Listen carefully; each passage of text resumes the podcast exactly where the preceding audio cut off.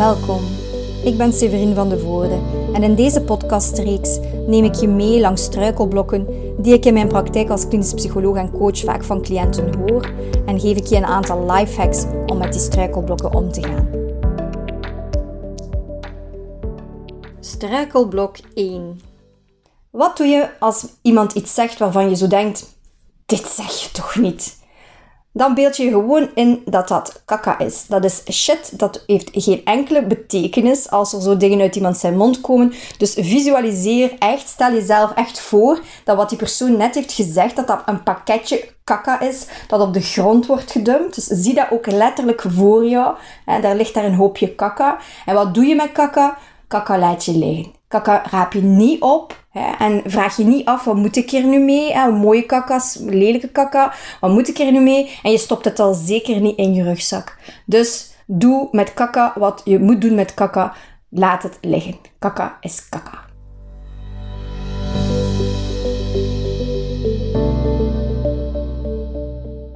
Ik geef graag een extra woordje uitleg. Wat is dat bijvoorbeeld, kaka? Als je een kind hebt met ADHD bijvoorbeeld en iemand zegt dat ADHD niet bestaat, of, uh, of die zegt: um, geef hem maar eens een week aan mij, het zal wel over zijn, hij zal zich wel gedragen, um, dat zal wel, uh, er zullen geen problemen meer zijn. Of als iemand zegt tegen jou uh, dat hoogsensitiviteit een modewoord is, terwijl jij heel goed weet wat het is en dat jij de typische eigenschappen bij jezelf heel goed herkent. Of je, um, je zit in een burn-out en je schoonmoeder zegt dat mensen met een burn-out overdrijven. Of dat mensen met een burn-out gewoon luie mensen zijn. Of je moeder die bij je zoveelste miskraam zegt dat het misschien betekent dat je niet gemaakt bent om kinderen te krijgen.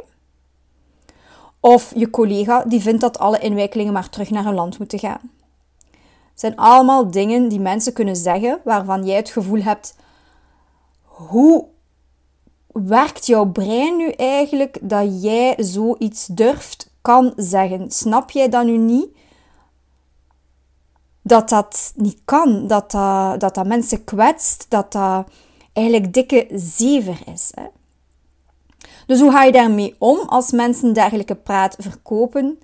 In plaats van daar dan kwaad voor te worden of um, erop in te gaan of uh, daarover te piekeren hè, en, en daardoor heel veel energie te verliezen, kan je je gaan afvragen. Hè, je, kan, je kan een stapje achteruit zetten en je afvragen: moet ik hier eigenlijk iets mee doen? Is dat niet gewoon kaka die gedropt wordt en die je dus gewoon kan laten liggen? Iets dat geen waarde heeft en waar je dus eigenlijk niks mee moet doen, omdat je weet van wie het komt. Een van mijn cliënten bijvoorbeeld, die heeft een schoonmoeder en die zegt echt elke keer opnieuw dingen die haar heel hard kwaad maken, die haar sterk raken, raken in haar zelfbeeld, raken in haar ouderschap. En waar ze dus enorm veel energie aan verliest, omdat ze zich daarover opwindt en, en um, ja, daar blijft over piekeren. En toen hadden we het erover en toen vroeg ik haar eigenlijk van, ja, is jouw schoonmoeder, is dat eigenlijk iemand die je zou definiëren als iemand die empathisch is? Hè? Iemand die zich goed kan verplaatsen in hoe het voor een ander voelt om zulke dingen te horen. En de conclusie was eigenlijk dat die schoonmoeder totaal niet empathisch was. Hè? Dus dan is die daar eigenlijk ook niet mee bezig hoe dat voor iemand anders moet voelen om zo'n boodschap te krijgen, om zoiets te horen. Dat zijn vaak ook mensen die uh, zeer rigide stereotype, ideeën hebben van bepaalde dingen, over bepaalde dingen, die dat van thuis hebben meegekregen of die zeer rigide zijn in hun denken. Um, en dan, ja, dan, dan kunnen die zich ook niet verplaatsen in andere perspectieven. Nieuw dat voor jou voelt om zoiets te horen, maar ook niet dat er andere verklaringen zijn of andere manieren om naar een bepaald uh, topic te kijken. Hè. En bij, bij mijn cliënten hadden we dan een, een beeld gemaakt eigenlijk van, kijk, weet je, dus je schoonmoeder is eigenlijk helemaal niet empathisch, die is niet bezig met hoe dat, dat voor u voelt of hoe dat, dat binnenkomt. Dus stel je gewoon voor dat dat een koe is. Het is een koe en koeien die doen kaka. En dat beeld kon haar enorm helpen als ze dus terug in contact kwam met de schoonmoeder en daar kwamen ook weer ehm, van die opmerkingen uit waar ze eigenlijk helemaal niks mee kon en die haar kwaad maakten, dan zag ze echt een koe voor zich. Een koe die op dat moment kakken aan het doen was en dan moest ze daar eigenlijk helemaal niks meer mee doen. Want wat moet je iets doen met kakka? Nee, kakka is gewoon kakka. Je kan die gewoon laten liggen. Je hoeft daar helemaal niks mee te doen. Wat is nog kakka? Kakka is ook ehm, als mensen bij jou komen ventileren. ook dan kan je hetzelfde beeld gebruiken. Eh, de ander is aan het ventileren, jij bent gewoon toeschouwer, je hoeft daar niets mee te doen, gewoon luisteren. Je kan zelfs doen alsof je luistert, dat maakt niet uit, want de essentie is dat die ander zijn gal kan spuwen, hè. Um, daar gewoon eens over kan ventileren en dan kan die weer verder weg.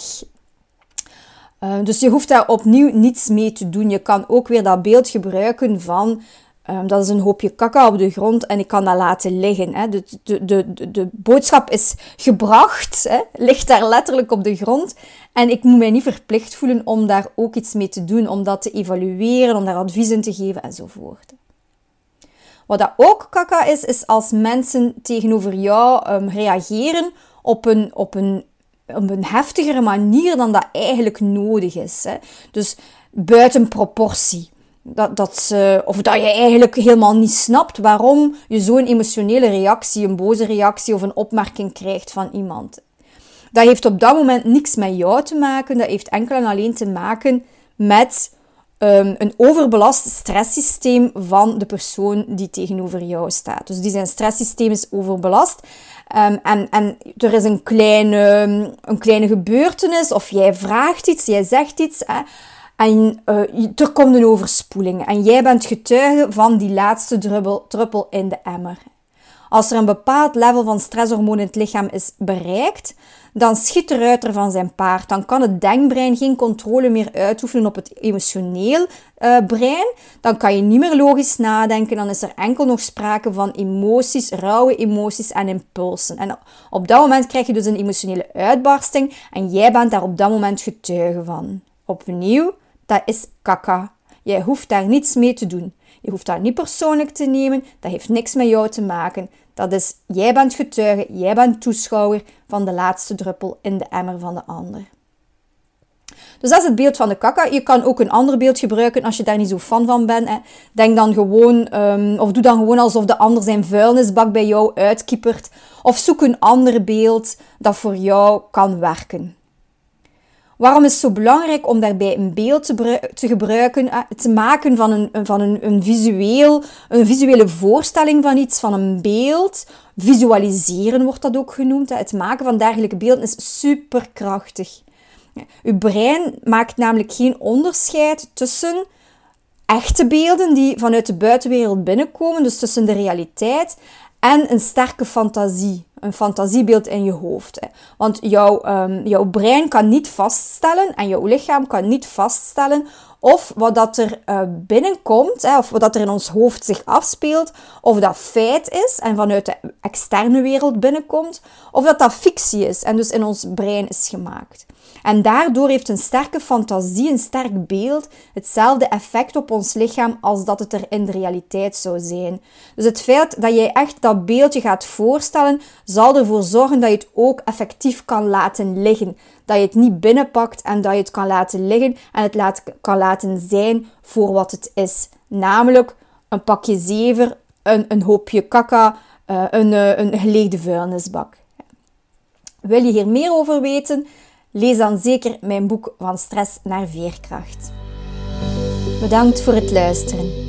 Neem zeker een kijkje op vanstressnaarveerkracht.be voor interessante online cursussen en volg me op Instagram voor gratis waardevolle tips.